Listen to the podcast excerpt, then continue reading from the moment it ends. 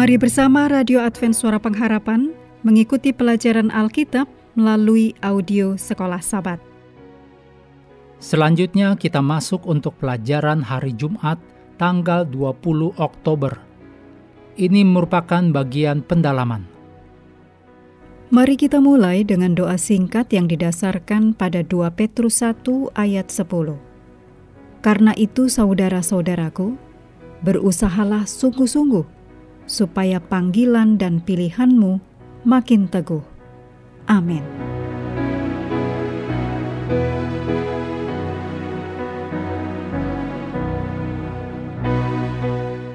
Silakan membaca tulisan Ellen G. White yang judulnya Tugas yang Besar, halaman 22 sampai 29 dan Pencari Kebenaran, halaman 112 sampai 121 dalam buku Alfa dan Omega jilid 7.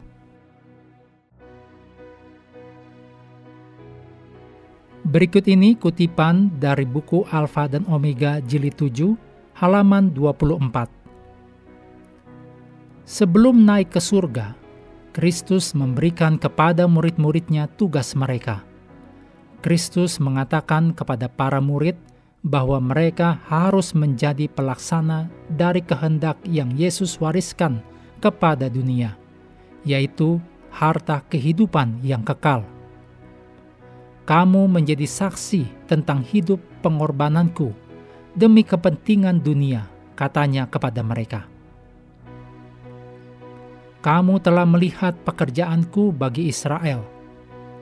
Dan meskipun umatku tidak mau datang kepadaku supaya mereka bisa hidup, meskipun imam-imam dan penghulu-penghulu telah berbuat kepadaku sebagaimana yang mereka rencanakan, meskipun mereka telah menolak aku, mereka masih juga akan mempunyai kesempatan yang lain untuk menerima anak Allah kamu telah melihat bahwa semua orang yang datang kepadaku dan mengaku dosa mereka, aku terima dengan tangan terbuka. Ia yang datang kepadaku sekali-kali aku tidak akan menolaknya. Kepadamu, murid-muridku, aku serahkan pekabaran kemurahan ini. Hal itu akan diberikan kepada orang-orang Yahudi dan orang kafir – mula-mula kepada Israel, dan kemudian kepada segala bangsa, bahasa, dan kaum. Semua orang yang percaya akan dikumpulkan di dalam satu gereja. Amanat agung itu sangatlah jelas. Karena itu, pergilah, jadikanlah semua bangsa muridku. Matius 28 ayat 19 jadi, itu adalah benar-benar satu perintah untuk pergi ke tempat lain, teristimewa ke bangsa-bangsa lain. Berikut ini kutipan dari Ellen G. White, Alpha dan Omega Jilid 7, halaman 24. Perintah Injil adalah piagam misionaris yang besar dari kerajaan Kristus. Murid-murid itu harus bekerja dengan sungguh-sungguh untuk jiwa-jiwa memberikan kepada semua orang undangan kemurahan. Mereka tidak seharusnya menunggu orang-orang untuk datang kepada mereka. Mereka harus pergi kepada orang-orang dengan pekabaran mereka. Dalam dunia kita ini, banyak yang lebih dekat kepada kerajaan Allah daripada yang kita sangka. Dalam dunia yang gelap karena dosa, Tuhan mempunyai banyak permata, kepada siapa ia akan memimpin pesuruh-pesuruhnya. Di mana-mana ada mereka yang mau berdiri untuk Kristus. Banyak orang akan menghargai hikmat Allah di atas segala keuntungan duniawi dan akan menjadi pembawa terang yang setia. Meyakini bahwa jalan Petrus adalah kegenapan yang langsung dari rencana Allah – dan bahwa prasangka dan sifat eksklusif mereka berlawanan sama sekali dengan roh Injil, mereka memuliakan Allah dan mengatakan, "Jadi kepada bangsa-bangsa lain juga kepada Allah mengaruniakan pertobatan yang memimpin kepada hidup."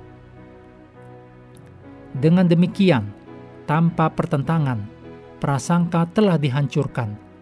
Sifat eksklusif yang didirikan atas kebiasaan berabad-abad telah ditinggalkan, dan jalan terbuka untuk Injil dimasyurkan kepada orang-orang kafir.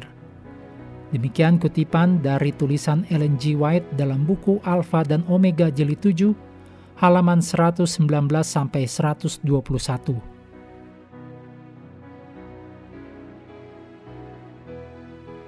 Berikut hal-hal untuk diskusi. Yang pertama, diskusikan bagaimana Anda mendefinisikan kata misi ketika mengaplikasikan hal tersebut dalam kehidupan pribadi. Yang kedua, dalam cara apakah Anda bisa mengekspresikan misi dalam sikap dan tingkah laku Anda sehari-hari? Diskusikan bagaimana kita bisa menjadi lebih berorientasi pada misi dalam tugas kita sehari-hari. Yang ketiga, diskusikan pentingnya bagi kita untuk mengevaluasi hati kita dan mencari kuasa surgawi untuk disucikan dari prasangka terhadap mereka yang berbeda dengan kita.